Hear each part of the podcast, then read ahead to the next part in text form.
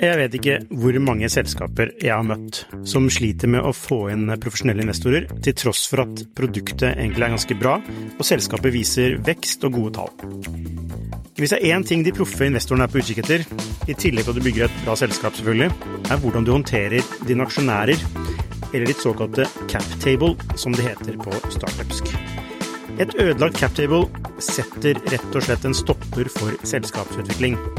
Unlisted.ai gjør det mulig for selskaper å håndtere aksje- og opsjonsprogrammer, aksjeeierboken, captable og det meste av rettigheter inn mot aksjene i selskapet på ett sted. Prøv unlisted.ai sin gratisversjon i dag.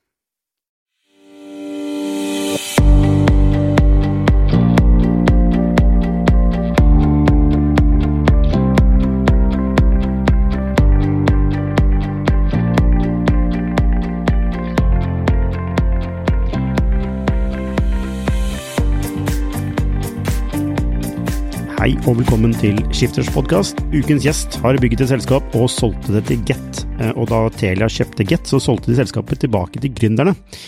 I 2022 firedoblet de omsetningen fra 35 til 125 millioner, sånn ish firedobling i hvert fall. Eh, og i 2022 Uh, unnskyld, og i 2023 så sikter de mot 200 millioner i omsetning. Da snakker jeg selvfølgelig om selskapet Future Home, og med meg her så har jeg gründer og daglig leder Erik Stokkeland. Velkommen. Tusen takk. Ja, uh, Future Home, det er, hva er det for noe? Ja, vi lager smarthusprodukt, så lar deg styre alt av smartenhetene i, i hjemmet. Alt fra lyspære til termostater, elbilladere, røykvarsler, dørlåser, you name it. Alt i en app. Og det som har hatt mer og mer fokus på siden 2018, etter et forskningsprosjekt som vi hadde med en utbygger som skulle, han skulle bygge Teslaen i boligmarkedet. Skulle være i front på alt på ny teknologi, spesielt innenfor energi.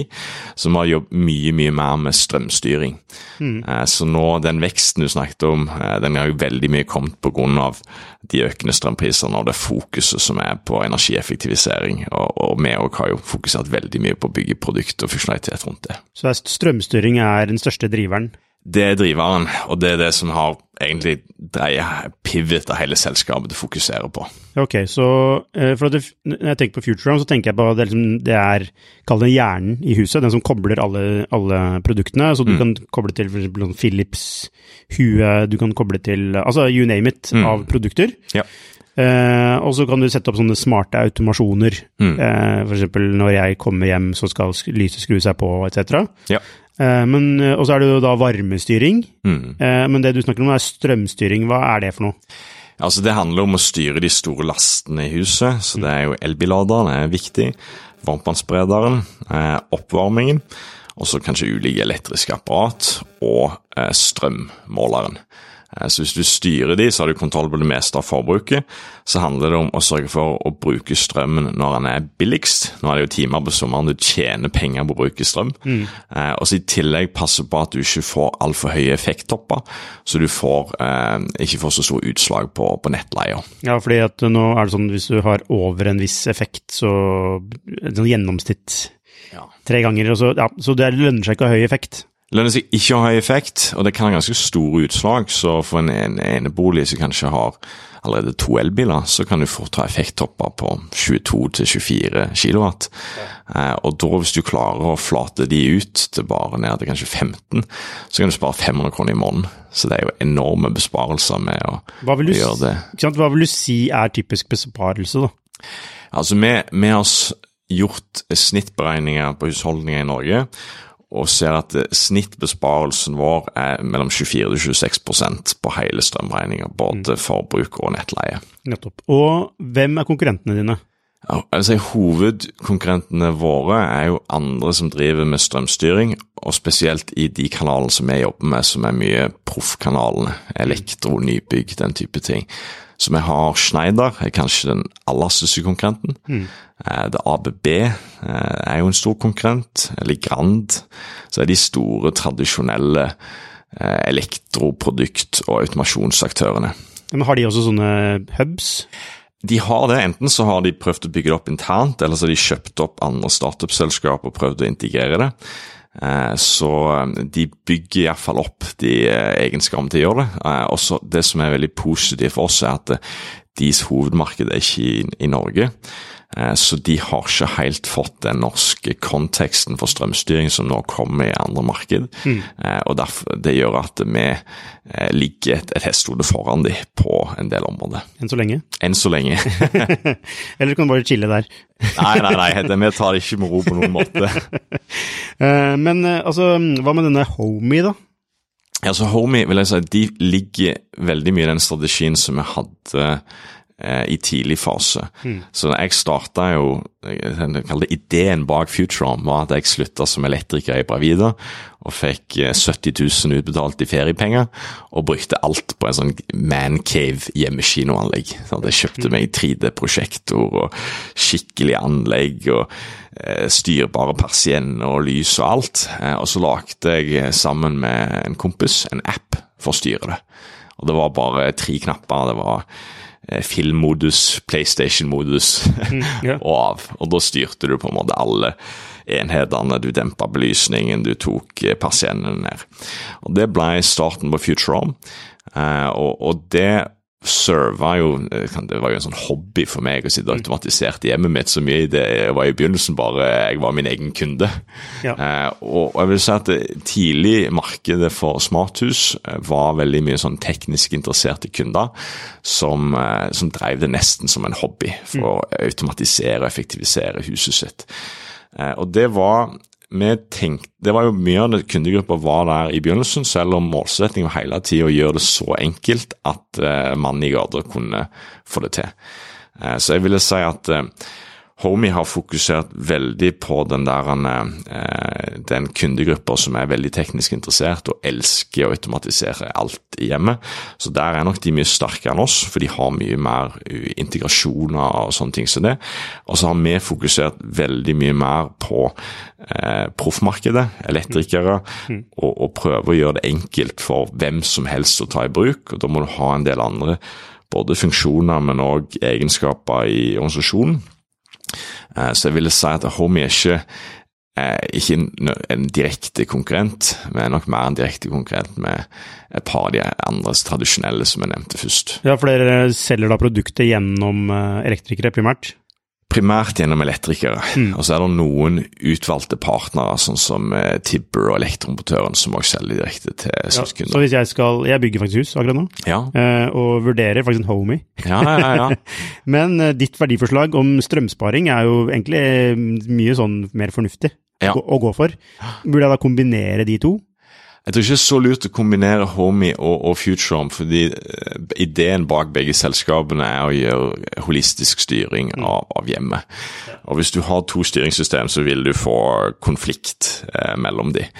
Eh, så en, en, bør nok gå for enten eller. Mm. Fordelen med Homie er at de har mye integrasjoner og, og mye eh, spennende å sette seg inn i. Og så Utfordringen er jo ofte du får ikke alltid så god support på de integrasjonene, og det er ikke alltid alt funker 100% men så har de et veldig sterkt community hvor du kan få hjelp. da. Og så har vi hatt fokus på mindre integrasjoner, mer våre egne produkt, og de supporterer 100 og hvis det ikke er som funker, så er vi der og har på en måte reklamasjonen, support og rydde opp. da. Ja, for det jeg har fått med meg, og jeg, er jo på dette Facebook-forumet hjemmeautomasjon, eh, og der er jo du faktisk mm. også, har jeg sett, og svarer. Ja, I ny og ne. I ny og ne. Um, men, men, jeg har inntrykk av at altså, nærhet til brukerne betyr noe, med tanke på support, og det er norsk selskap. Det er ikke noen sånn, noen e-post du sender mm.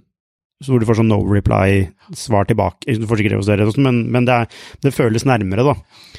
For det er, det er, en million edge cases mm. du kommer borti med smarthus. Ta, vi snakket om, om Get i stad. Der er det jo òg mye utfordringer som kan oppstå. Feil input på kanalen og TV, og det funker ikke. Og, eh, og det å bygge opp et, et bra apparat som klarer å håndtere alle de edge casene, mm. det er jo utfordrende i, i smarthus. Så enten må du ha et, et litt sånn hands off approach, der det er mye ansvar til kunden å finne ut av det og navigere det sjøl. Eh, og det passer perfect for de tekniske kundene, for det, det går fint. Eller så må du ha en sånn hands on, mer eh, kall det restricted approach ja. mot et massemarked. Ja, det, jeg har jo Jeg kommer jo fra Sensio, okay, ja. der jeg bor nå. ja. Eller eh, Og det er jo Altså, da må du ha program... Altså, du må jo programmere. Med, altså koble, må fysisk koble til en Altså, det er bare så gammeldags, da. Det var veldig eh, altså, high end, men det er veldig lukka system, føler jeg. Ja, og Essensio var den store konkurrenten når vi starta. Og hele ideen vår var at Sensio Essensio sin konsept både var det proprietært, eh, og det gjorde jo vi imot med at vi kunne åpne opp og ha ulike leverandører. Og det andre var konseptet rundt at elektrikeren skal gjøre all konfigurering av anlegget, og kunden skal bare bruke det til å styre.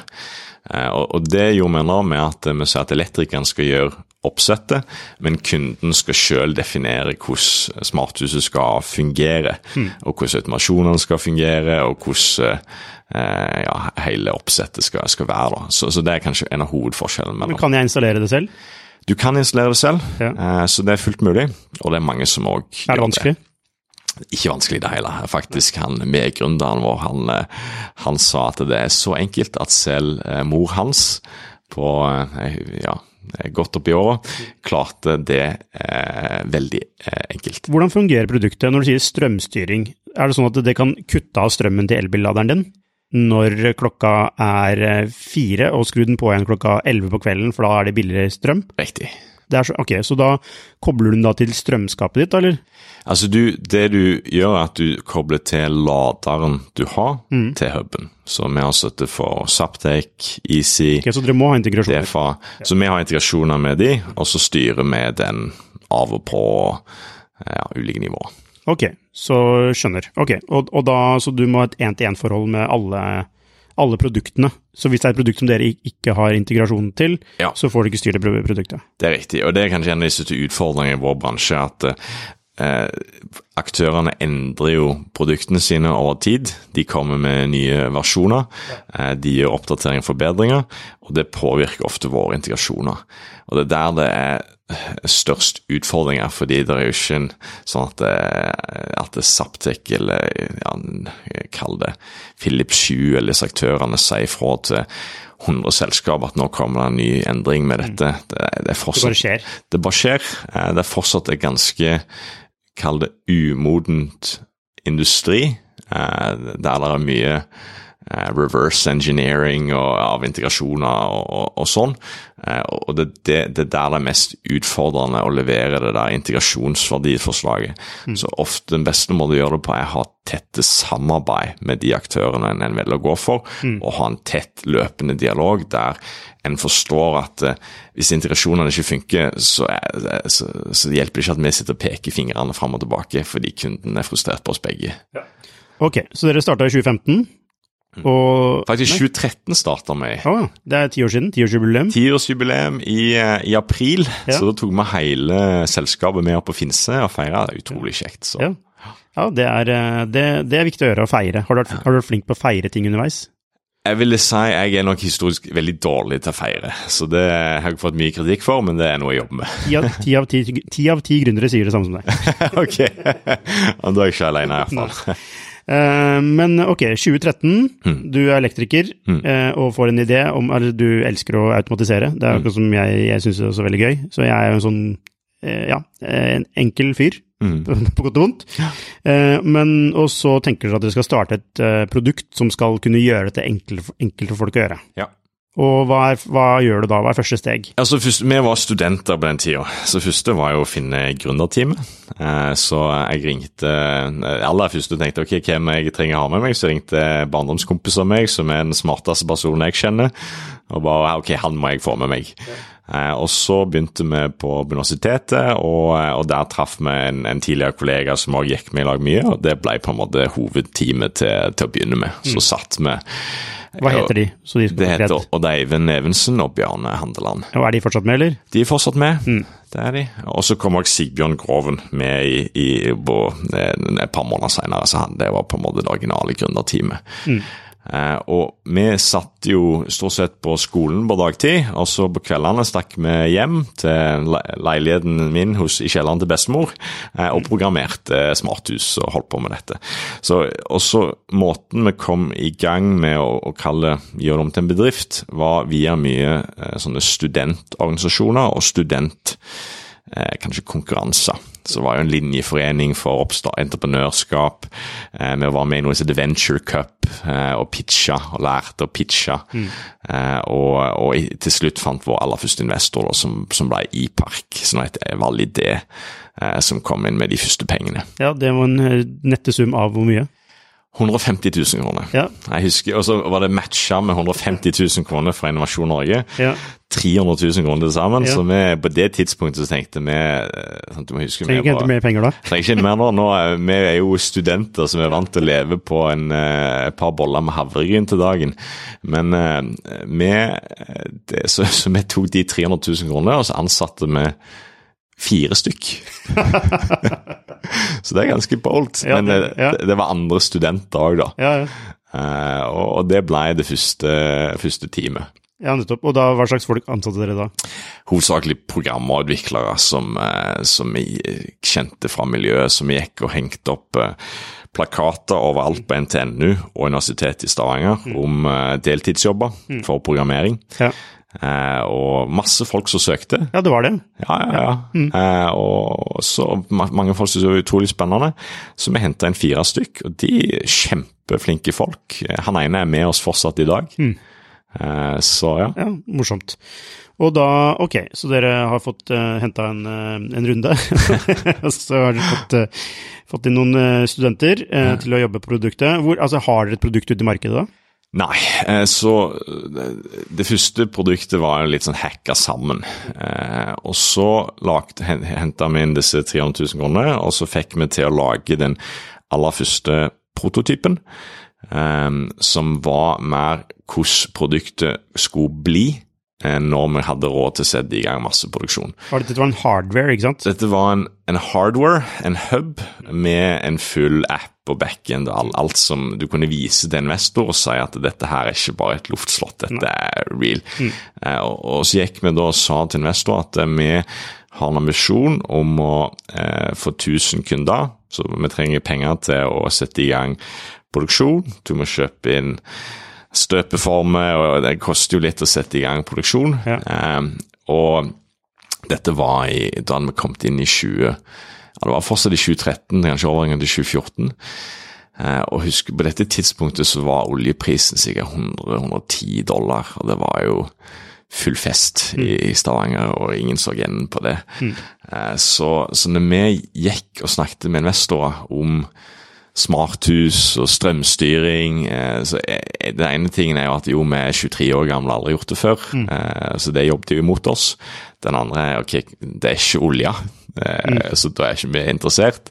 Og, nummer tre var men er ikke dette akkurat det Lyse holder på med, med 100 ansatte rett ned i gata? Hvorfor i alle grader skal jeg satse på dere eh, når de gjør dette? Lyse er da kraftselskapet. Riktig. Ja. Mm. Og, og de, for de hadde en smarthussatsing, de også? De hadde en smarthussatsing, de òg. Og eh, de startet ganske samtidig eh, som oss, kanskje til og med litt før. Eh, Og vi var ikke klar over at de hadde en satsing, vi fant ut det etter hvert. Eh, Men eh, jeg tror faktisk det var òg en Jeg kan ta den storyen fordi eh, Så jeg, jeg var med på Oi, den gang i dag så vet jeg fortsatt ikke om dette er tilfeldig, eller om det er lagt opp. Men jeg, jeg var på en eh, noe som heter Startup Weekend, og så pitcha jeg Futuron. Eh, supernervøs, eh, skallmest i stemmen, og, eh, og så kom Og det vi pitcha, var vi skal ikke lage smarthus for spesielt interesserte, vi skal gjøre det tilgjengelig for alle. Vi skal lage en nettside der du bare går inn og bestiller ferdige pakker til fast pris, og så skal du få det ferdig installert fra en elektriker. Det skal være like enkelt som å bestille kjøkken på Ikea. Så det var liksom storyen. Og så, eh, og så kommer sikkert ja, sisteplass på, på den konkurransen, fordi ja, konkurrerer med ABB og Lyse og alle andre ting. Eh, og så kommer jeg tilbake på et, en annen lignende sånn konferanse som heter sånn Energirike student. Et, et, eller annet studentkonferanse med kraftselskap som lysesponser. Eh, og der var det masse ulike innlegg som de hadde om framtida for energistyring og sånn. Eh, og så kom der inn en, en produktsjef eh, fra Lyse og fortalte om smarthussatsingen, som jeg visste om. Mm. Eh, men så sier han men vi skal ikke lage smarthus for spesialinteresserte. vi skal lage det like enkelt som bestille kjøkken på Ikea, med ferdige pakker, ferdig installert til fast pris. og liksom... og han sa Ikea, liksom? Han sa akkurat det, og han sa ord for ord det jeg hadde sagt. Eh, og så, ikke nok med det, så kommer det en annen mann opp på scenen rett etterpå. Og det er det her jeg lurer på, er, er det sånn eh, verden er så tilfeldig, eller var det planlagt? Mm. Jeg tror verden er så tilfeldig, altså. Eh, og så er det en mann som peker, snakker om eh, det å starte bedrift og bla, bla, bla. Så peker han ut i publikum, så, og jeg sitter helt på fremst i midten. Mm. Så jeg opplever at han peker på meg og mm. sier hvis jeg stjeler din idé i dag og gjør den bedre, så det er òg innovasjon. Det er sånn store selskap gjør med små selskap hver mm. dag. Mm. Herlighet. Og i en annen kontekst så hadde det sikkert vært helt greit, men ja. i min kontekst så var mm. det å sparke meg mens jeg lå nede. Ja, ja, herlighet. Så det var jo... Hva, hva tenkte du da? Hvordan reagerte du da? Nei, Jeg var helt satt ut. Mm. Jeg husker jeg faktisk satt meg i bilen med tårer på vei hjem og lurte på skal jeg bare gi opp. Mm. Men jeg, dagen etterpå, da var jeg så fokusert. Eh, så vi, fram til det tidspunktet, så eh, så hadde vi drevet dette litt, eh, kall det litt som en sånn studentprosjekt, ikke all in. Mm. Vi hadde fortsatt fokus på å gjøre ferdig studiene, fortsatt fokus på å være på masse kule studentfester og starte på mer en sånn kul greie ja. på sida. Men etter det så var det okay, Game on. Game on, så da var det bare å legge alt annet til sides. Eh, slutte på skolen, eh, gå all in, eh, og vi skulle være mm. først mm. ute i markedet ja. før de. Det var mm. liksom det som var målet. Ja. ja er hvordan, er det sette, altså, hvordan hjelper det å sette et ty tydelig mål? Ja, jeg, jeg, Den energien vi fikk av det, da, det var så bra, for da hadde vi det målet. Målet var vi skal være før de ute i markedet. Eh, og det skapte så mye energi og kraft inn i selskapet. Eh, og utfordringen vår fortsatt var eh, kapitalinnhenting, fordi vi hadde ikke råd til å, å starte opp produksjon. Eh, jeg tror vi ringte sikkert 70 investorer og hadde masse møter, og alle var Var det et gjennomgangstema i avslagene? Det var det. Det var vi digger energien, vi digger pågangsmotet, eh, men det er for stor risiko eh, med, med Lyse og, og, og, andre aktører sånn som det. Så det vi gjorde, var vi lanserte en crowdfunding-kampanje i stedet. På en plattform som heter Indiegogo. Eh, og vi hadde satt opp at vi måtte ha 200 000 dollar for å eh, starte produksjon og sånn. Eh, og vi tenkte jo at ok, det her eh, vi hadde, Jeg tror vi hadde 70 000 kroner igjen av de 300 000 som mm. vi fikk inn. Ja, ja men da har du brukt dem eh, effektivt, da. Ja, det, vi tok ikke ut lønn. Vi betalte bare de ansatte studentene vi hadde. Vi klarte å få gratis kontor hos Bravida, min forrige arbeidsgiver, som hjalp mm. oss med kontor og utstyr. Fantastisk. Ja. Men de 70 000 de brukte vi all in på å lage en en video eh, og kampanje for crowdfunding-kampanjen. Mm. Og det kalte inn alle venner, familie og alt til lansering. Eh, og, jeg, og, jeg, hadde lest eh, om crowdfunding at hvis du skal få momentum til å nå målet ditt, så må du nesten du må nesten klare å nå to tredjedel av, av målet. I forkant? I, mest å ha det booka, ja. sånn at du mm. får det momentumet. Mm. Eh, og så du må ha det i løpet av de første to ukene, så må du nesten være på to tredjedel. Ja. Eh, og vi, eh, vi klarte ikke det. Eh, den første måneden så lå vi på en fjerdedel. Ja. 50 000 dollar. Altså en, først, Når du sier første måneden, var det første måneden da produkt, altså den var live? Det var live, så ja. det var 60 dager kampanje. Mm. Ja. Eh, og så hadde vi Så første måneden eh, da hadde vi 50 000 dollar, 500 000 kroner ca. Mm. Eh, vi trengte 200 000 dollar. Ja. Eh, Og da var den der den første sånn Ok, hva gjør vi nå? Det er jo, nå har vi tatt og alle vi kjenner, alle tante, onkler og eh, tredje kusine, og har kjøpt dette. Eh, så da da måtte vi endre strategi. På det tidspunktet hadde vi solgt mest eh, sånne startpakker på, på nett. Um, og da begynte vi med å legge om strategien og drive med cold calling mot elektrikere. Eh, Så vi ringte, satte opp liksom halve elektrikere i hele Norge, og så sa vi det. Du, vi er ny aktør, vi utfordrer den etablerte Sensio og sånn som det. Vi tror på åpne standarder, eh, gjør det enkelt for kunden og, og, og sånn. Eh, er du med? Du kan kjøpe fem pakker, 30 000 kroner. Eh, Du får det kanskje om to år. Mm. og det som er så kult, at det funka. Seriøst? Det funka. Ja. Så vi gikk fra Det var så mange elektrikere som bare ja, Dette trenger markedet. Eh, så vi klarte å bygge momentum eh, opp mot eh, eh, og, og eh, solgte da den, den neste måneden så solgte vi for 115 000 dollar Mm. på en måned. Var det sånn at dere fikk disse elektrikerne inn på Indiegogo? Yes. Ja, ikke sant? For å få den traction? Ja, og det òg var en utfordring, for de måtte betale med PayPal, og de Ja, ja, hadde ikke. PayPal-konto og masse sånn, så det òg var jo eh, vanskelig. Ja. Men det, da klarte vi å, å knekke den koden, eh, og så kommer vi til siste dag, eh, og, og det mangler 35 000 dollar på kampanjen. Og det er 24 timer igjen. ja, fordi sånn, hvis du ikke når det, så blir det ingen penger. Alle får pengene tilbake. Mm. Eh, og du bare sitter ser den klokka tikke ned, liksom, minutt for minutt. Eh, så da begynner lyset å gå opp at det kanskje vi ikke kommer gjennom. Eh, og, og igjen, det er en sånn øyeblikk der du lurer om stars are aligned, og det er et Ja. større Ja, no, ting som virker. er så, så vi, vi tok og prøvde å fylle opp alle, alle som hadde tatt kontakt. Eh, Så traff jeg en fyr som, som sa jo, jeg har fulgt med på hva dere gjør. Eh, Jeg holder jeg skal bygge hus. Jeg skal ha eh, Kan jeg komme og treffe dere torsdag? Så nei, du, hvis du Jeg vet ikke hvor mange selskaper jeg har møtt som sliter med å få inn profesjonelle investorer, til tross for at produktet egentlig er ganske bra, og selskapet viser vekst og gode tall.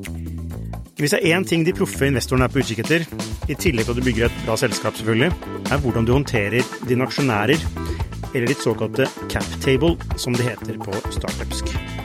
Et ødelagt cap table setter rett og slett en stopper for selskapsutvikling. Unlisted.ai gjør det mulig for selskaper å håndtere aksje- og opsjonsprogrammer, aksjeeierboken, captable og det meste av rettigheter inn mot aksjene i selskapet på ett sted. Prøv unlisted.ai sin gratisversjon i dag. skal komme, så må du komme i dag, og du må komme før klokka ett. Fordi vi er fullbooka. Eh, og han ba ok, jeg rydder planen og kommer inn til klokka ett. Eh, og så kommer han inn, og så viser det seg til at Så sier han du, her, her starta jeg mitt første selskap, Jæren Data, Ja. for mange år siden. Mm. Så han eh, får sikkert tilbake de der gamle gründerfølelsene og eh, Ja. kan kjenne seg igjen. Og så hadde vi hatt Sabi Sushi i dagen eh, før, så han bare ja, men det er jo det selskapet jeg driver nå. og så forteller vi storyen og, og all hele reisen og, og sånn som det, og så han bare dritkult. Eh, og så sier han du, jeg skal jo eh, Hvor mye penger er du mangler i kampanjen? Jeg mangler 35 000 dollar. Så sier han ja, du, men jeg skal jo bygge uh, Iron Man, kuleste huset i hele området. Uh, skal ha alt det du kan levere. Uh, hvor mye vil det koste meg? 35 000 dollar. 35 000 dollar. Og han Ok, Altså, var han den siste som Altså, så klarte dere akkurat kampanjen? så klarte vi akkurat kampanjen. Altså, var det på krona, liksom? Det var på krona På, på nesten Eller på dollaren? På dollaren, og to timer før alt gikk ut. Eh, Så jeg vil si at det øyeblikket er det øyeblikket som gjorde at vi kom gjennom den toårsperioden før. Og eh, når vi da hadde bevist at vi klarte å hente eh, kapital fra kunder som ville ha produktet, så var det mye enklere da å gå ut til investorer. Og så ble jo investormarkedet i 2015 og 2016 mye bedre. Da var, da var det oppstartskapital mer tilgjengelig. Mm. Ja, da 2016 jeg tror Jeg da jeg møtte deg, faktisk, på Future, vet heter Edge? Future Edge? Nei. Ja, Nordic Edge. Nordic Edge. Ja, ja, ja, stemmer. Sto du på stand? Ja. Eh, og jeg husker jeg tenkte at eh, ja, ja, dette Dette går som det går. For Da liksom var jo Google, Apple, alle yes. var på banen. Ah. Eh, men jeg syns du hadde gode motargumenter. Eh, men da var det i hvert fall en periode hvor oljen var liksom på vei ned. Mange arbeidsledige ingeniører. Eh, du hadde Christian Rangen som starta det skulle starte 50 startups. Ok, ja. Og jeg husker ikke hva det heter. Eh, altså, det var, det var, mye som skjedde, da. Og spesielt, det var veldig mye, mye sånn entreprenørskapsånd i Stavanger-området. Ja, så da kom den eh, jeg kaller det oljekrisa, og eh, ja, oljeprisen gikk ned i kanskje 25, og eh, 10 000 ingeniører mista jobben. Eh, og da ble det det de kaller en sånn Eh, ny, det skiftet, da, om å skape nye bedrifter og omstilling. Og Det kom jo kjempemye positivt ut av det. Eh, og investorene så at eh, her må vi se på nye ting. Så da, da fikk vi jo endelig vår første skikkelig investor på kroken, så, så Ståle Skyllingstad og Christian Okseth og Erik Olgaard. Ja, riktig. Nettopp. Eh, eh, fordi du sa at det sto mellom tre aktører i den første runden der. Eller den nest første runden, da. Ja. And, altså den, ja, den ordentlige runden, måtte det. Ja. ja. Eh, hvem var det? Altså, vi, vi, hadde en dialog med, med Get, eh, en aktiv dialog med de om et, om et, samarbeid, og de var villige til å oppkapitale selskapet mm. eh, mot en, en, en, stor andel. Eh, Hvor stor da? Jeg tror det var opptil 51 ja. Eh, og så fikk vi da eh, Faktisk så tok Lyse og Altibox og kontakt. Eh, og òg var villig til å oppgradere selskapet, for de så at eh, ja, det kunne være noen synergier med det de holdt på med. Mm. Eh, så de kom òg med et tilbud, kunne oppkapitalisere det til mye og, ville ha en tredjedel, negativ kontroll. og så fikk vi et tilbud for Ståle Kyllingstad. og faktisk Ståle Kyllingstads tilbud og det investorteamet som hadde snakket med der, var ikke det som prisa selskapet best. Men, eh, men, han sa at okay, her har du to store selskap som er interessert, og du er så vidt i gang. Du har egentlig ikke lagd produktet ferdig, du har mm. bare en prototype. Um, så her er mulighetsbildet mye større. Har du lyst å uh, gi det ifra deg kontrollen nå? Altså, det er jo helt riktig pitch fra Kyllingstad. Ja. Det, altså det, dere virker jo for den også, men det er jo helt, altså på det tidspunktet binde dere til en stor aktør? Ja. Eh, altså, hva, hva, tenkte dere? Ja, vi, vi tenkte jo at uh, På ei side så tenkte vi ok, det å gå med en stor aktør, det er jo trygt. Uh, nå har vi levd uten lønn uh, på havregryn og vann og, og, og strevd ganske mye for å komme oss hit. Og, og, det å gå med en stor aktør, jo du får kapital, men du får distribusjon, du får kompetanseressurser, du får så mye mer. Ehm, men ehm, så, så, det var ikke sånn enkelt valg at Nei. vi bare automatisk tok det, det andre. Men uh, vi kjente det at, uh, at det vi ønska å få til, var kanskje litt overambisiøst. var at ok, vi, vi prøver å uh, få til å ta kapitalen fra private investorer, men allikevel få til et samarbeid med de mm. industrielle aktørene. Eh, så, så, vi gikk jo ikke og, og avslo og sa vi vil ikke vil jobbe med de andre, men vi, vi sier at vi, vi, tror det er riktig i denne omgang å hente privat kapital, og så ønsker vi å få til et samarbeid. Sett tilbake, var det riktig beslutning? Jeg tror det.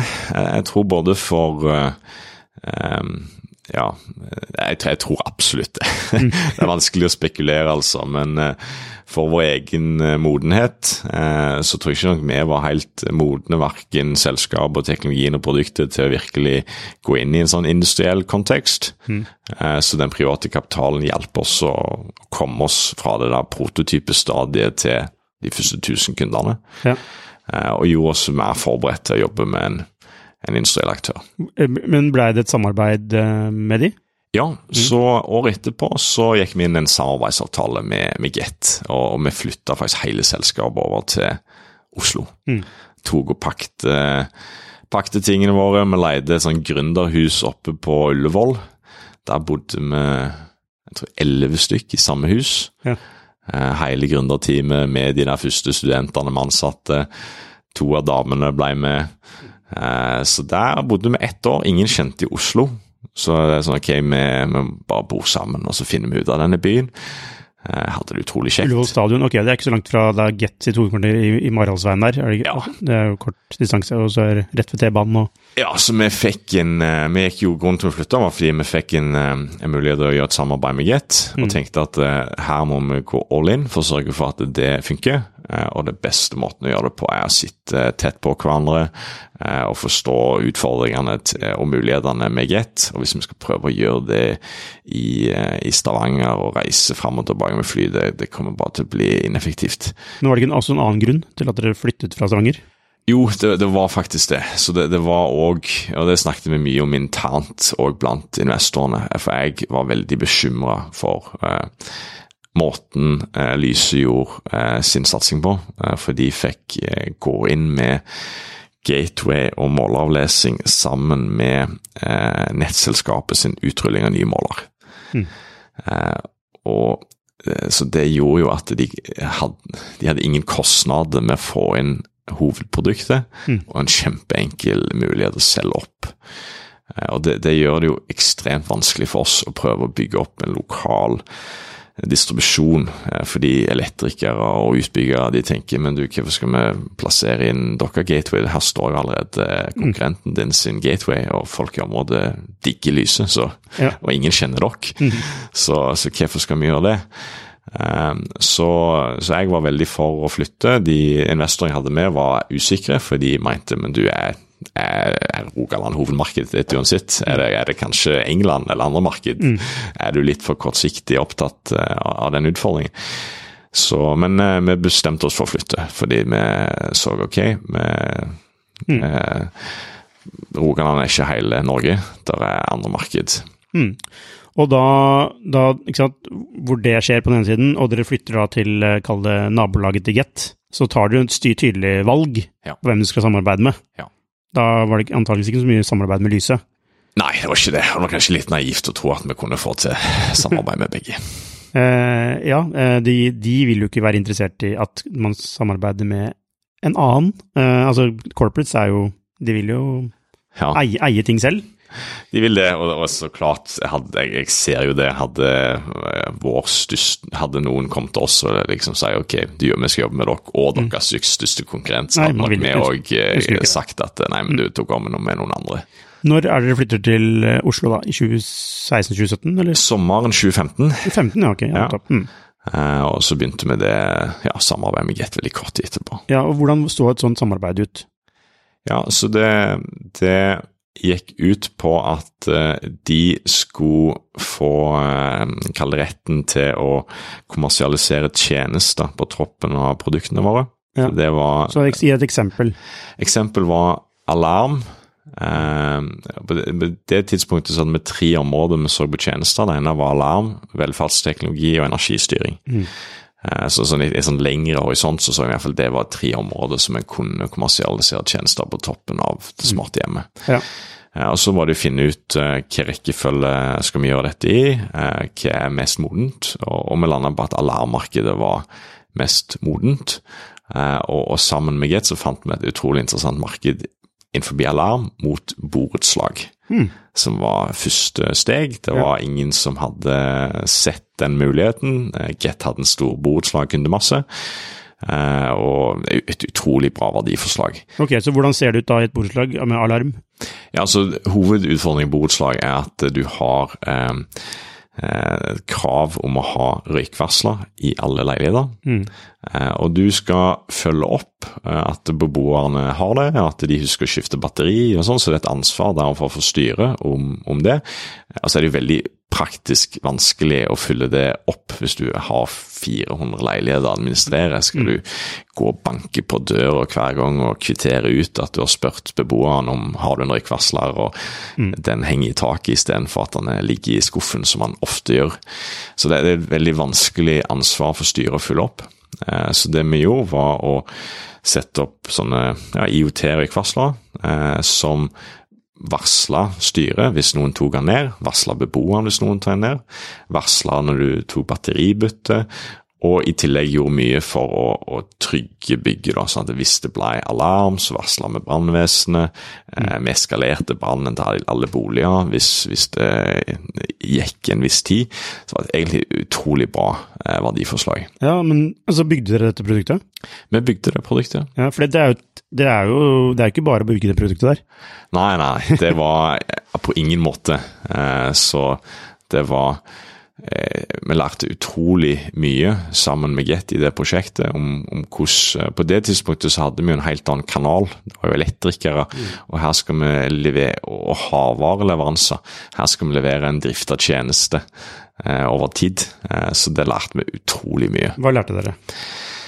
Jeg tenker, Vi lærte Én eh, ting er å, å, å, kalle det forenkle og, og få skikkelig kontroll på produktet og lage gode driftssystem rundt produktet, sånn at eh, når noe går galt, så har du eh, gode eh, feedback, prosesser og feedback for å utbedre det så kjapt som mulig. Så det å virkelig kalle det ringfence system og lage det driftssikkert og stabilt, fordi det, det, er noe helt annet å levere en, en tjeneste over tid som mm skal, skal, gjøre en setting som styret slipper å tenke på, versus det å levere et, et hardvareprodukt som enabler kunden til å gjøre masse ting som han sjøl har ansvar for. Mm. Men jeg bare tenker på, altså Get, dette er noe Get ønsker i utgangspunktet. Ja. Det er ikke noe dere tenker umiddelbart man skal gjøre? Jeg, jeg vil si det var på, det tidspunktet så, så, har vi da lansert vårt første produkt, og, og vokser mm. måned for måned med det. Eh, men òg ser at eh, det er utfordringer med å få det til å skalere skikkelig. Utfordringer å kommunisere verdiforslaget tydelig nok. Eh, mange som tenkte at smarthus kun er relevant i nybygg og oppussing, mm. eh, og da snevrer det markedet ganske mye inn. Eh, så, så når vi så det verdiforslaget som de hadde konseptualisert, så syntes vi jo det var helt eh, fantastisk bra. Så vi var jo veldig motivert for å utvikle for vi hadde skikkelig tro på det. Vil du si at dere egentlig ikke hadde product market fit med det verdiforslaget dere hadde? Jeg, jeg ville si vi hadde det, men at det er et veldig lite marked, da. Mm. Eh, for vi solgte bra eh, og hadde veldig fornøyde kunder, men, men det var et, et lite marked. Ja, Så dere skulle gjerne sett en større vekst? Ja, det er det. Ok, og da kommer Get med dette Er det noe de bare har tenkt hele tiden, eller hvordan lander dere på denne Altså, det er jo et altså, genialt altså verdiforslag til yes. en, Altså, ja, og det finnes nok av borettslag.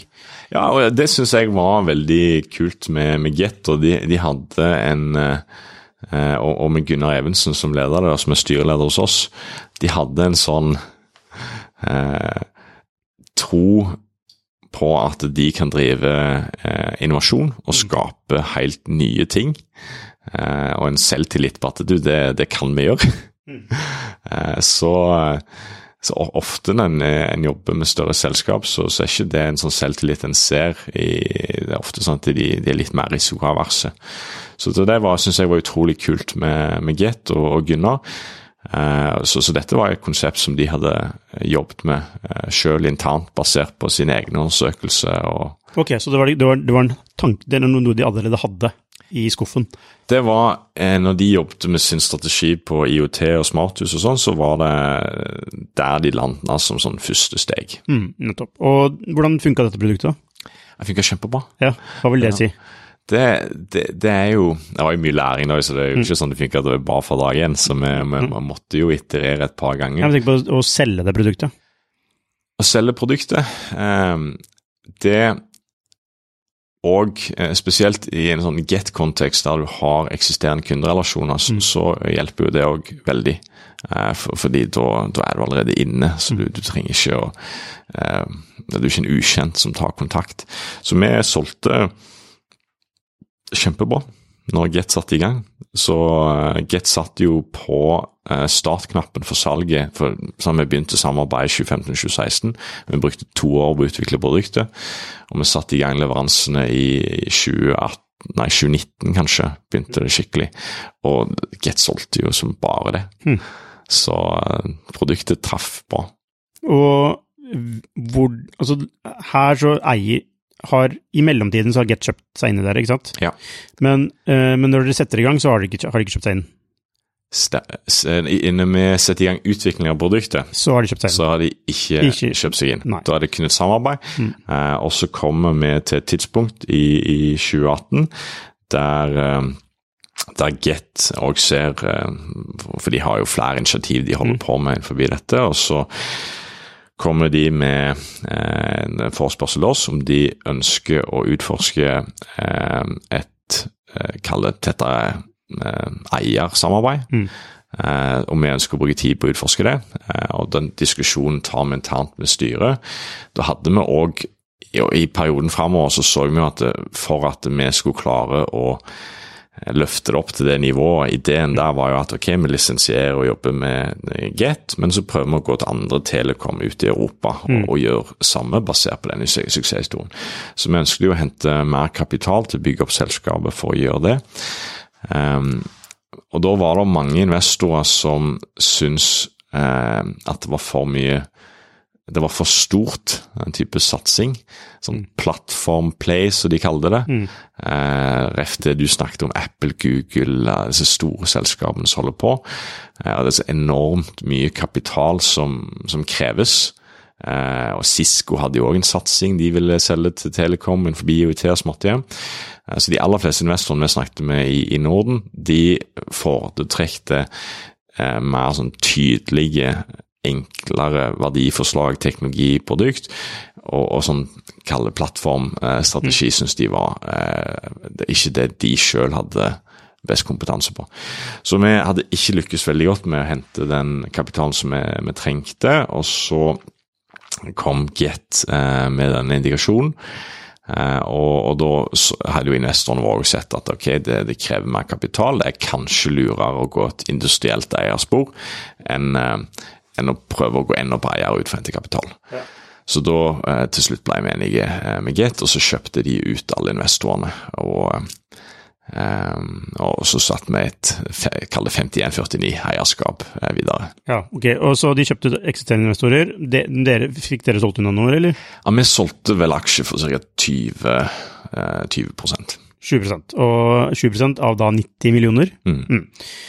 Eh, så de verdsatte selskapet 90 millioner, ikke sant? Eh, og da solgte, og solgte, dere solgte halvparten av det. Mm. Så da satte dere altså, på aksjeverdi for 45 millioner, da.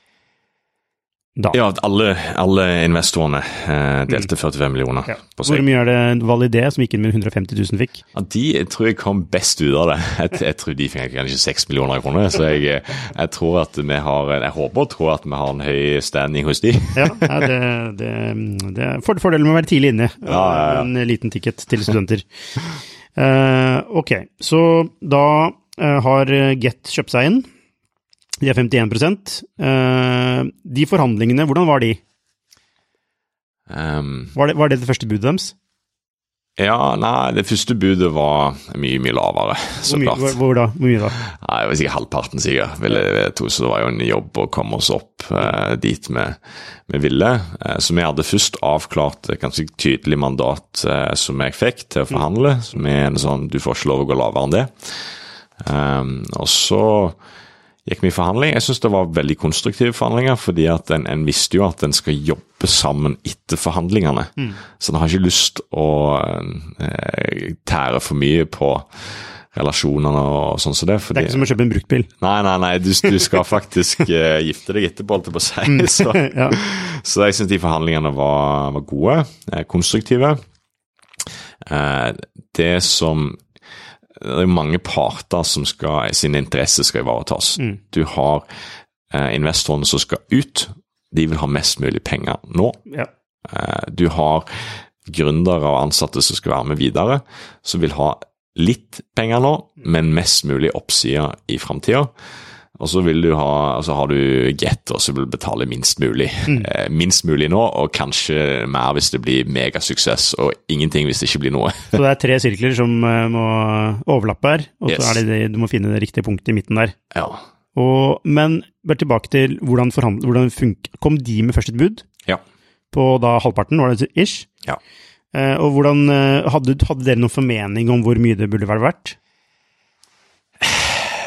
Nei, det vil jeg ikke si. Så jeg, jeg, jeg er kanskje litt overraska over eh, hvor mye av eh, Og det er mulig at det er bare sånn hos oss, altså, men, og andre er superflinke. Men jeg, i min erfaring med, med startup og tidligfase og verdivurderinger er at det, det, er ikke så veldig kvalitativt eller kvantitativt. Det er veldig sånn kast ut et tall. Ja. Dette mener vi er riktig. Ja.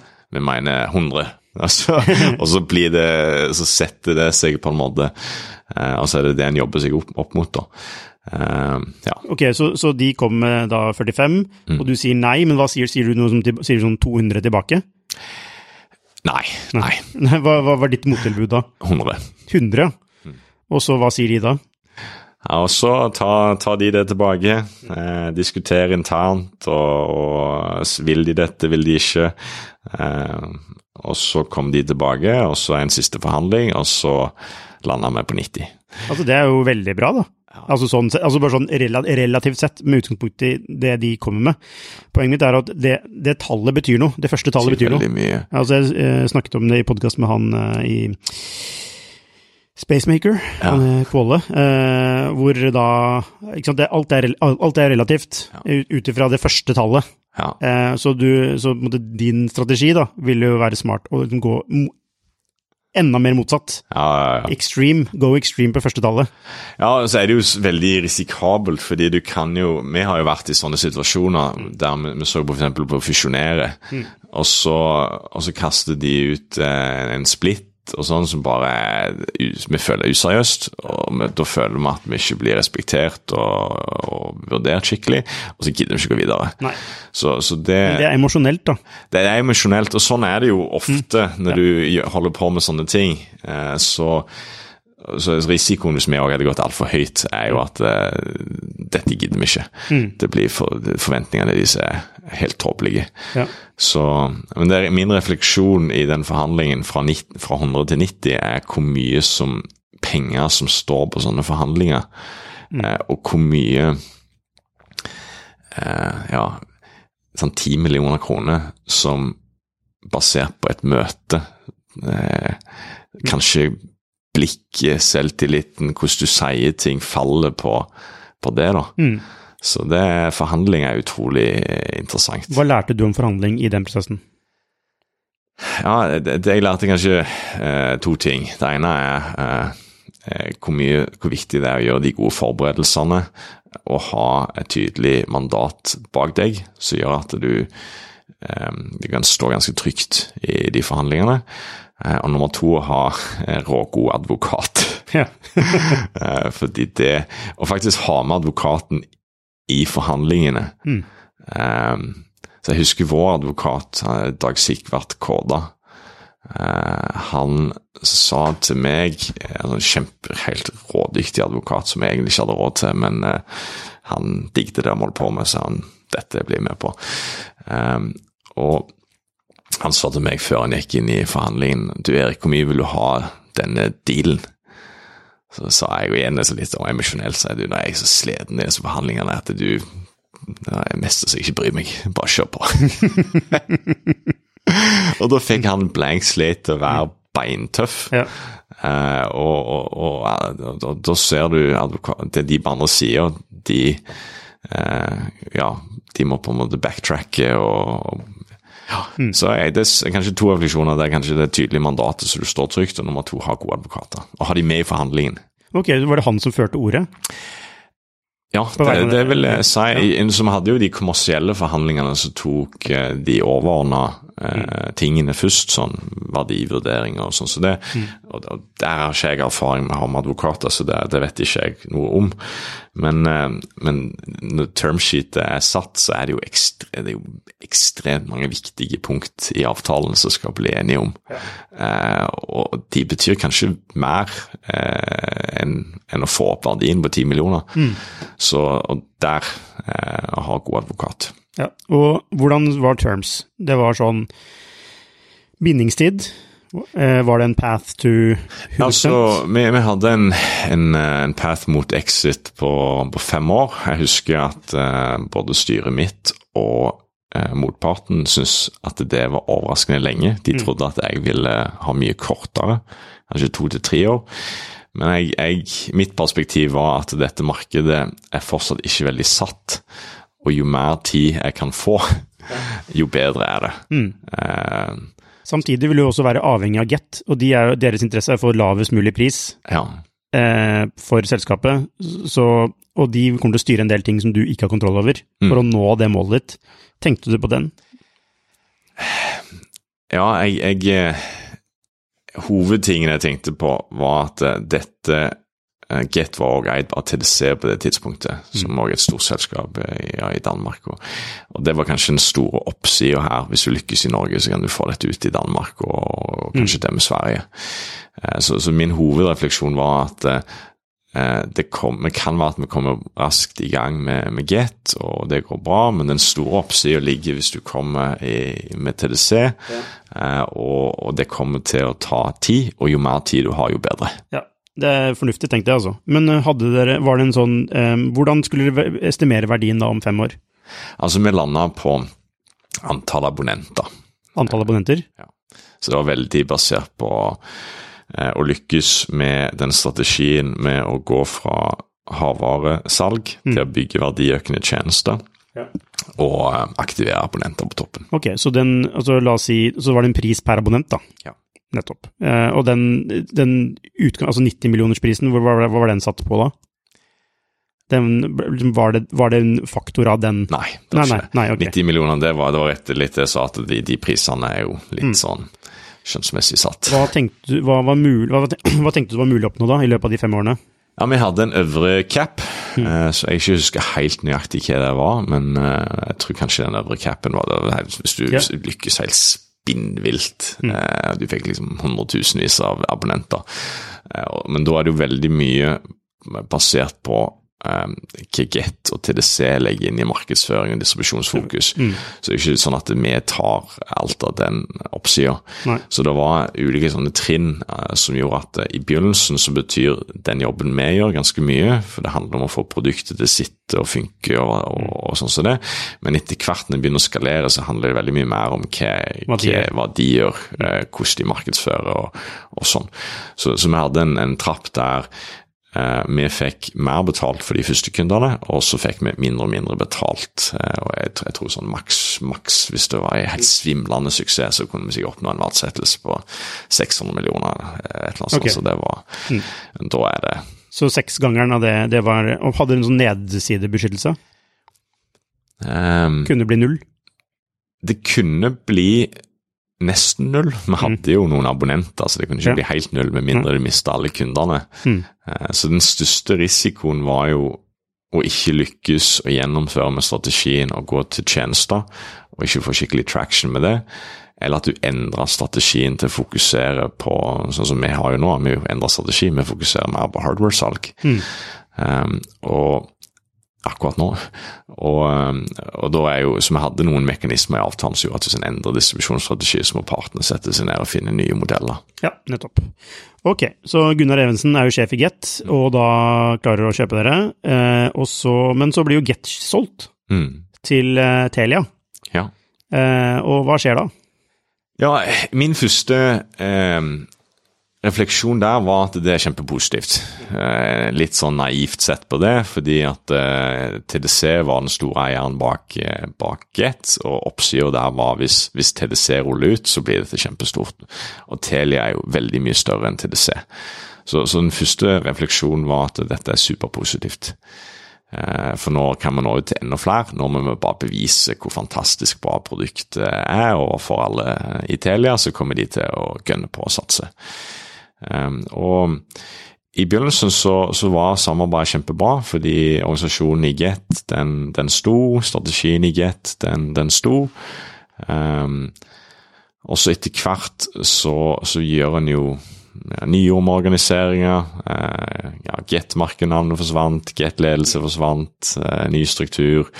Vi uh, havna mer ikke under, kall det de kommersielle eh, lederne, men, men mer innovasjonsavdeling. Vekk fra, vekk fra linja, liksom? Lek, vekk fra linja, og det er jo livsfarlig. Ja. Jeg er ikke Ja, de, det er jo innovasjonsavdelingene i eh, Det er ikke alt eh, det som drives innovasjon i corporate som, som får lov å, å komme ut i linjene. Nei. Og det er masse som vil at sin idé skal få lov å komme ut i linjene. Ja. Så det er jo en del eh, politikk der òg om, om eh, ja, tilgang til eh, distribusjon. Og, og så det ble veldig krevende for oss. ja, fortell om det. Ja, jeg, så vi er masse kjempeflinke og gode folk som jobbet med der, så det var jo superpositivt. Masse gode ideer. Eh, og, og prøvde å, vi prøvde å legge en strategi som, som skulle passe overens. Jeg brukte veldig lang tid på det, og det var kanskje det som var mest utfordrende for meg, fordi vi syntes det tok så ekstremt lang tid. Vi satt i den strategiprosessen i et år og følte at vi råtna på rot eh, gjennom det året. Eh, og til slutt så, så så vi det at eh, Future Homes sin tilnærming passet ikke inn i den strategien til Telia. Og da, da så jo styret òg i Futurom at det er kun ett et spor, og det er å prøve å selge Futurom. Mm. Mm. Enkelt og greit. Ja. ja. Og hva, hvordan går dere frem da? Ja, da, da går vi først frem med å få inn en uh, finansiell uh, rådgiver. Som, og, og setter vi opp en uh, Prøver å preppe Futurom for salg. Og da Telia er, er, er enig i dette her? Ja, Ja. Mm. så de er enig i det. Så en ønsker jo å forberede selskapet salg, eh, som gjør en del sånn forarbeid for å gjøre selskapet attraktivt eh, og legge en ny strategi og plan. Eh, Vi hadde gjort veldig mye på strømstyring eh, opp til det tidspunktet. Så mye av den nye strategien handla òg om strømstyring. Og, så gikk vi ut og, um, til investorer. Men husk, på dette tidspunktet, det var i 2020, og strømprisen var lavest på noen gang, sikkert. Mm. Jeg tror eh, ja, sikkert sånn ti øre. altså, det var liksom gratis. Eh, og eh, så den, det budskapet om, om strømstyring og spare strøm og, og sånn, det var mange ganger som tenkte at jo, dette er spennende, men klarer du å, å bygge det opp? Og så var det òg veldig mye usikkerhet for investorer om hvor, hvor avhengig er selskapet av Telia. Eh, Så, så hvis du nå ikke har en del av Telia, mister du mye av distribusjonen, inntektene og, og, og kraften. Så veldig mye usikkerhet for investorer om, om hvor eh, bra vil selskapet gjøre det på egne bein. Og, og det gjorde òg mange investorer usikre.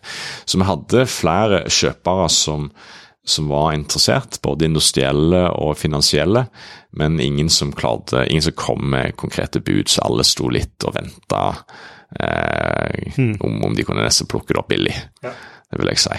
Mm. Og, men uh, var det noen, noen som eh, i det hele tatt ga et bud? Ingen ga bud. Eh, vi fikk eh, Det var én industriell som var veldig nærme, som vi trodde kunne bli et veldig bra bud, og det kunne blitt et veldig bra Var det også Telekom, eller? Nei, det var en, en, en annen bransje, mm. hardware. Um, gode synergier. Eh, det, det kunne bli kjempebra. Eh, men, eh, men så skjedde noe på, i markedet og børsen, altså andre fokus de fikk, og så, eh, og så klarte de ikke å gjøre dette samtidig. Så, så da eh, Da står det ikke så mange muligheter igjen, så vi sa at du, vi, vi har kjempetro på selskapet. Vi ønsker å kjøpe det tilbake. Vi har ikke all verden med penger, så vi prøvde oss først på, på ett bud som vi syntes var innafor, pga. vi mente at det eh, basert på sånn aksjonæravtalen var formulert, med antall abonnenter, kunder selskapet hadde. det? hadde. Det var nok eh, ikke veldig høyt, jeg kan si under 10 millioner kroner. Um, og vi syntes det var riktig, uh, men uh, kanskje må men vi kom ikke videre med det. Eh, og det ble mye krangling om, eh, om aksjonæravtaler hvordan det var rigga og, og sånne ting. Så enten så kunne vi gått i en gått i tottene på hverandre og kalle det brukt mye advokater for å prøve å tvinge gjennom noe eh, som vi sto på vårt, de sto på sitt. Eh, Men vi fant veldig fort ut at det er ikke konstruktivt. eh, Og vi har ikke tid til det heller. Selskapet Vi må gjøre noe. Så vi gikk heller en mye mer konstruktiv vei eh, og prøvde å møte og de, og, kom for fram til slutt en pris og en, setup som vi begge er veldig fornøyd med. Eh, så jeg er veldig fornøyd med hvordan vi håndterte, det, selv om Eh, det jeg er mest frustrert i den reisen, var hvor lang tid vi brukte med strategiprosessen. Og litt kritikk til oss sjøl òg, at vi lot det gå så lang tid. Hvor, lang, hvor mye endte det på? Ja, det har jeg egentlig ikke lov å si. Nei, ok. Det, Men det var i hvert fall mer, Mer- mer 10 millioner mer kroner. Og mindre enn 90. ja. Ja, ok. Uh, ok, så da Men var da Gunnar Evensen fortsatt styreleder i selskapet? Nei, Nei. eh, så Eller var han i det hele tatt under Get-perioden? Nei, Nei. Han, han valgte å gi seg. Uh, så han, han valgte å, å gå av eh, en periode etter Telia kom inn. Eh, og, og nå jobber jo som investor og styreleder, og ja, så jeg tror han trives stort med det. Han er jo fantastisk å jobbe med. Han har jo vært på denne podkasten her, eh, og som vi snakket om, han en, eh, jeg kjenner han ikke så godt, eh, men jeg fikk et veldig godt inntrykk av han. Kan ikke du fortelle hvem er Gunnar Rem, og hvordan er han å jobbe med? Ja, det jeg merka eh, Så jeg, pleier å si people don't leave their job, they leave their boss. Eh, så nærmeste leder har jo veldig stor eh, påvirkning og betydning for folk. Eh, og så når vi valgte å jobbe med Get, så var det veldig mye Bona Gunnar. Eh, For du merker at han er en person som eh, som bryr seg ekstremt med det han holder på med. Eh, Du merker det, det, det som jeg syns han er veldig flink på, han er utrolig god å lytte. Så du merker når du snakker med han at han fokuserer, han hører virkelig og setter seg inn i det du sier. Eh, ikke sånn, kall det, eh, der mange bare eh, liksom venter på å komme inn med eh, sitt, mm. sin ting og dra samtalen i en annen retning. Han en virkelig aktiv lytter og stiller vanvittig gode oppfølgingsspørsmål, er utrolig flink der.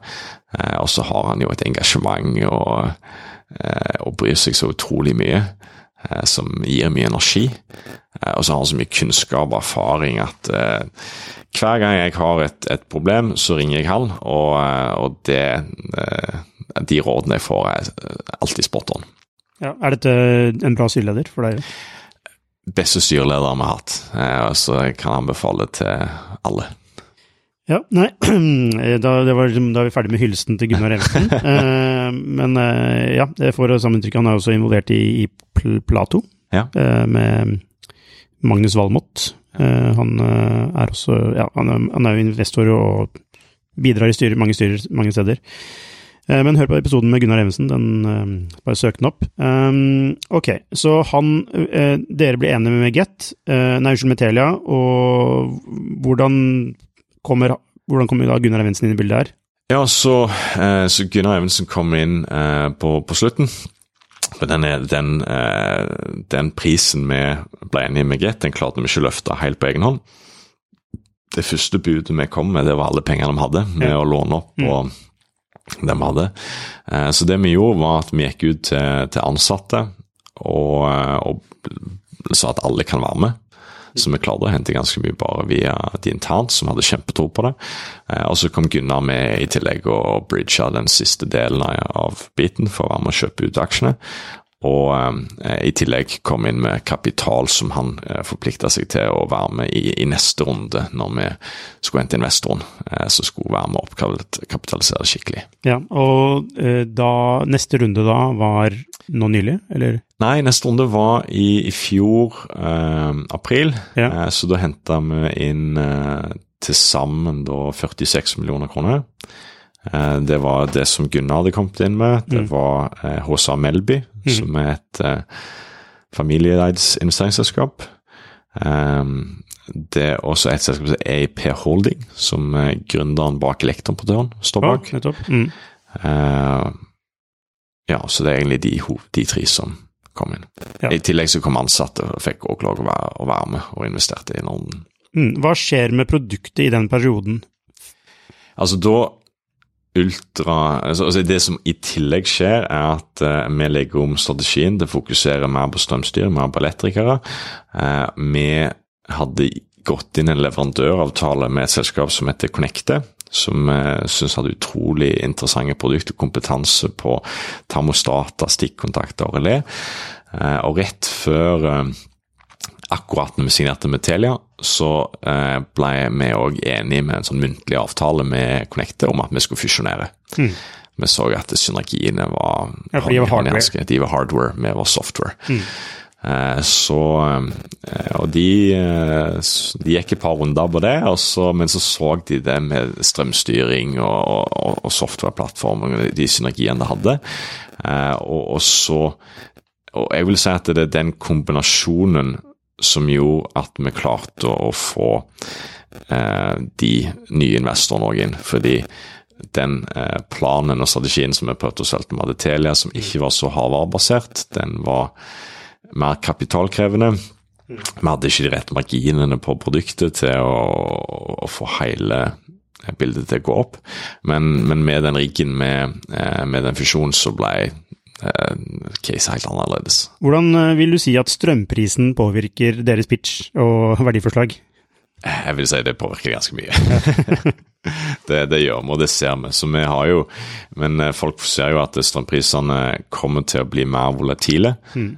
Vi skal gå over fra ganske sånn stabil strømproduksjon på, på gass og, og, kull til volatil på solceller og vind.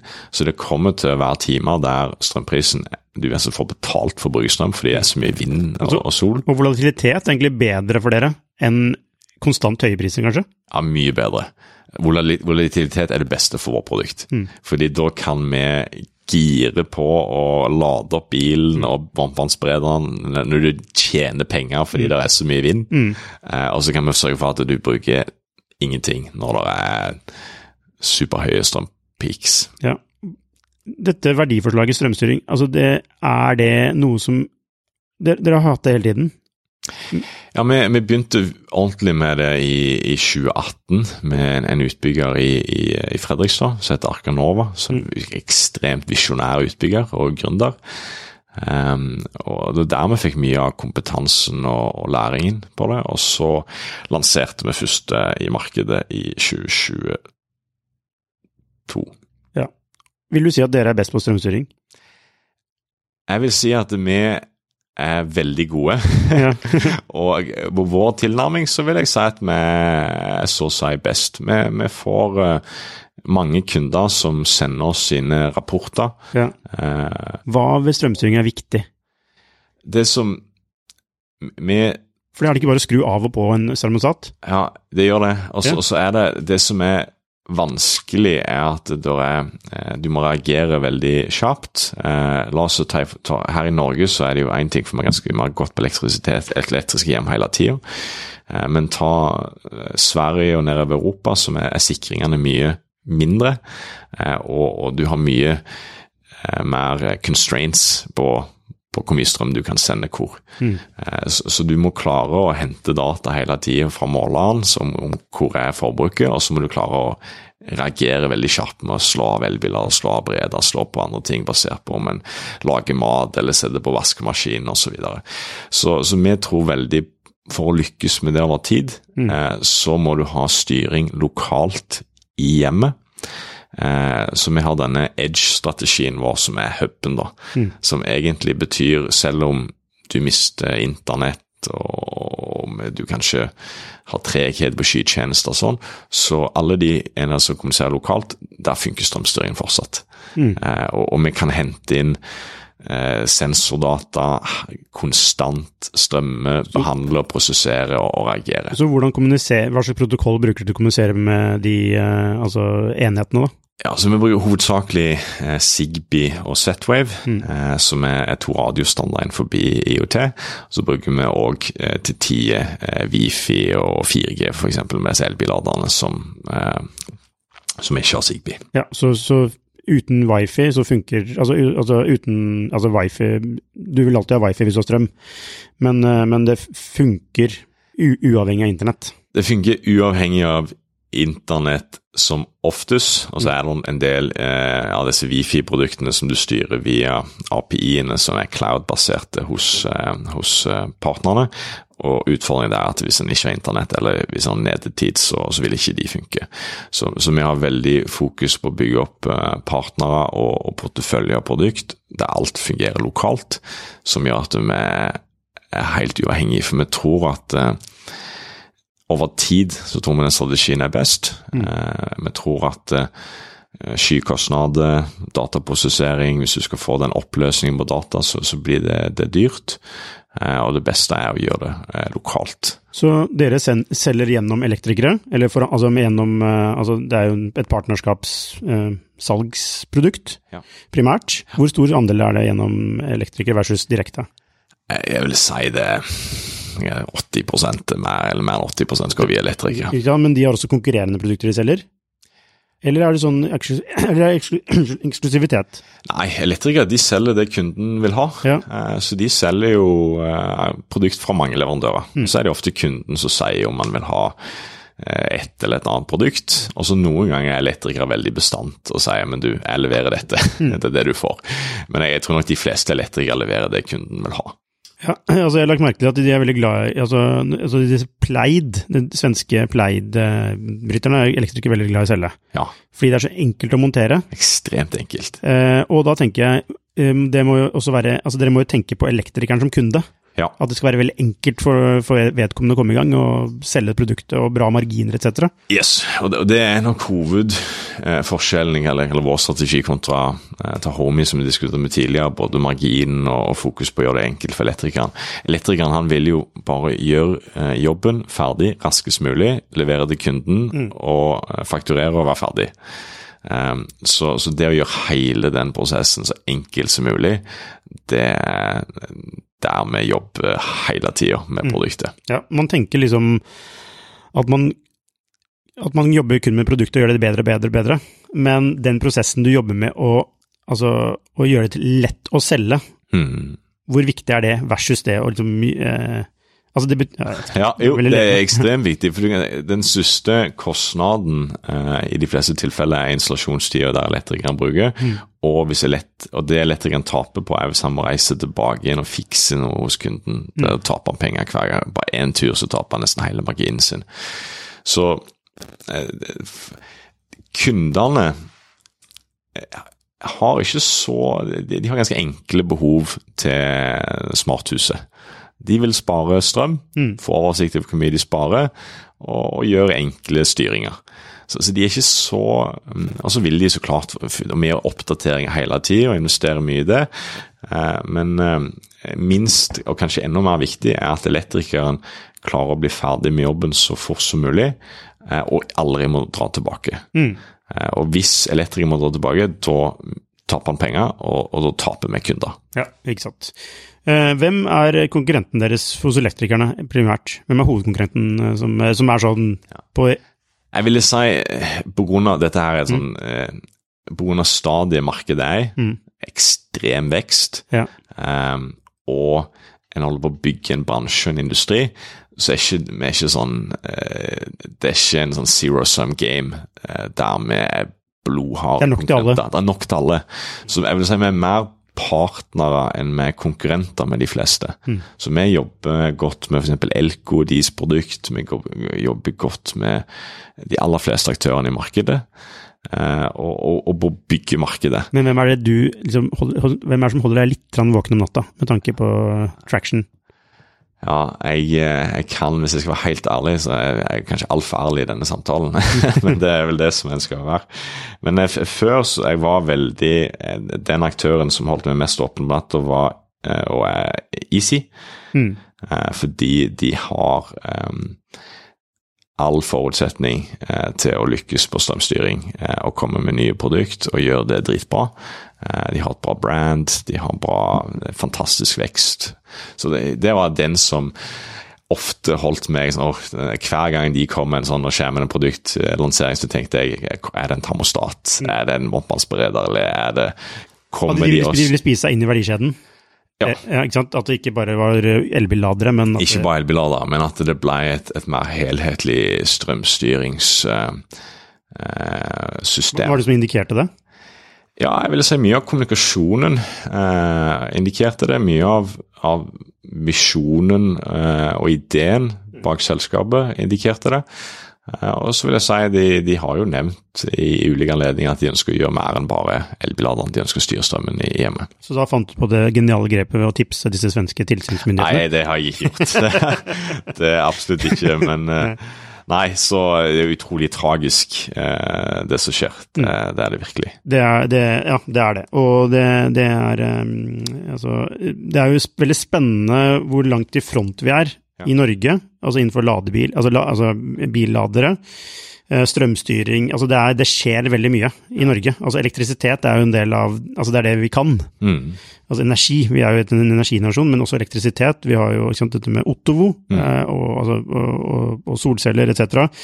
Eh, så det er jo et veldig sånn bra marked å bygge et produkt i, Mm. hvor du har konsumenter som er, krev, altså som er krevende i den forstand. Mm. De ligger digitalt foran mange andre land, så du, ligger, måte, Ja. du kan utvikle produktet måte litt i fremtiden da, for hvordan det blir i resten av verden. Er det riktig en beskrivelse? Absolutt. Og så er det Det er eh, du, du kan ganske raskt nå en sånn kritisk eh, masse i, i Norge på, på dette.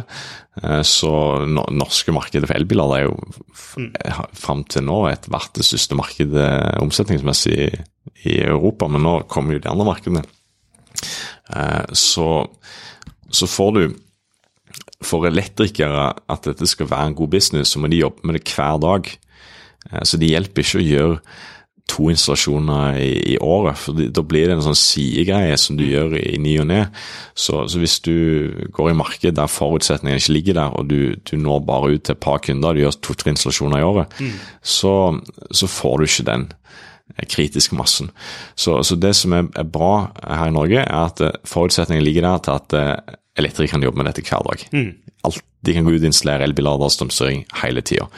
Um, og det eh, Da kan du bygge opp produktene og tilnærmingen til virkelig ultrafokusere på det. Og så, når forutsetningene da kommer i nye marked, så har du alt line up. Mm.